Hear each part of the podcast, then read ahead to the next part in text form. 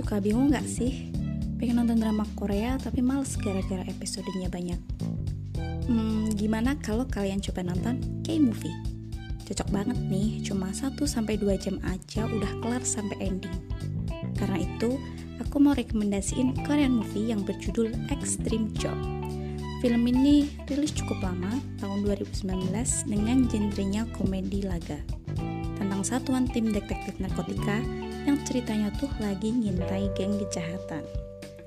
Pemeran film ini ada Ryu Seung Ryong yang pernah melejit lewat film Miracle in Cell No. 7. Ada juga Lee Harni, Lee Dong Hui, Jin Sok Kyung, dan Gong Myun. Meskipun fokusnya di komedi, tapi adegan laga di film ini cukup memukau dan bikin deg-degan. Pokoknya worth to watch banget. Kalian jangan lupa nonton ya.